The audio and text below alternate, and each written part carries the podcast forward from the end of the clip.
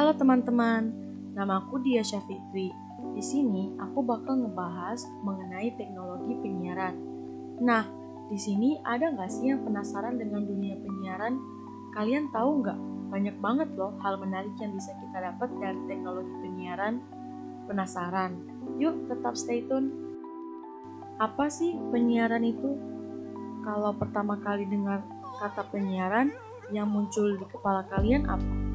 Nah, di sini aku mau ngasih tahu, penyiaran itu adalah kegiatan pemancar luasan siaran melalui sarana pemancaran atau sarana transmisi di darat, di laut, atau di antariksa dengan menggunakan spektrum frekuensi radio melalui udara, kabel, atau media lainnya untuk dapat diterima secara serentak dan bersamaan oleh masyarakat dengan perangkat penerima siaran. Kalian penasaran gak sih nama radio pertama yang berdiri di Indonesia? Nah, nama radio yang pertama berdiri di Indonesia itu SRV atau Solosce Radio Vereniging yang berdiri pada tanggal 1 April 1933. Sedangkan stasiun televisi pertama yaitu TVRI yang berdiri pada tanggal 24 Agustus 1962 untuk menyambut Asian Games atas inisiatif R. Maladi. Bagaimana dengan media penyiaran yang ada sampai saat ini? Yang ada sampai saat ini itu berjumlah enam yang muncul sejak jatuhnya Orde Baru.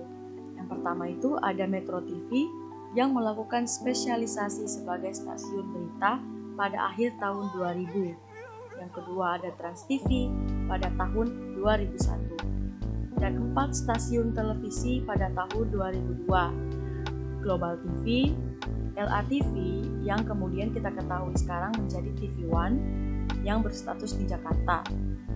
TV 7 atau yang sekarang kita kenal dengan nama Trans 7. Dan yang terakhir JTV yang berlokasi di Surabaya.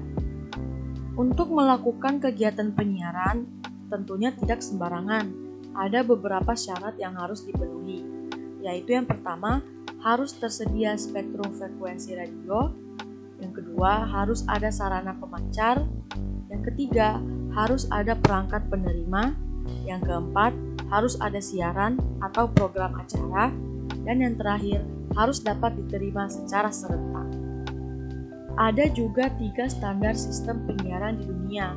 Yang pertama, NTSC atau National Television Standard Committee yang digunakan di Amerika Serikat, Kanada, Jepang, Korea, dan Meksiko.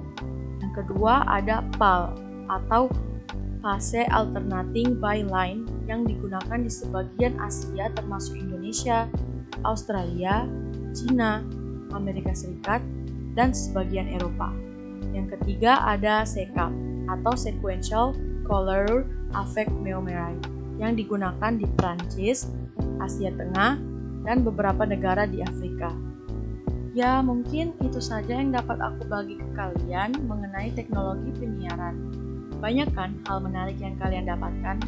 Semoga berguna untuk ke depannya ya. See ya!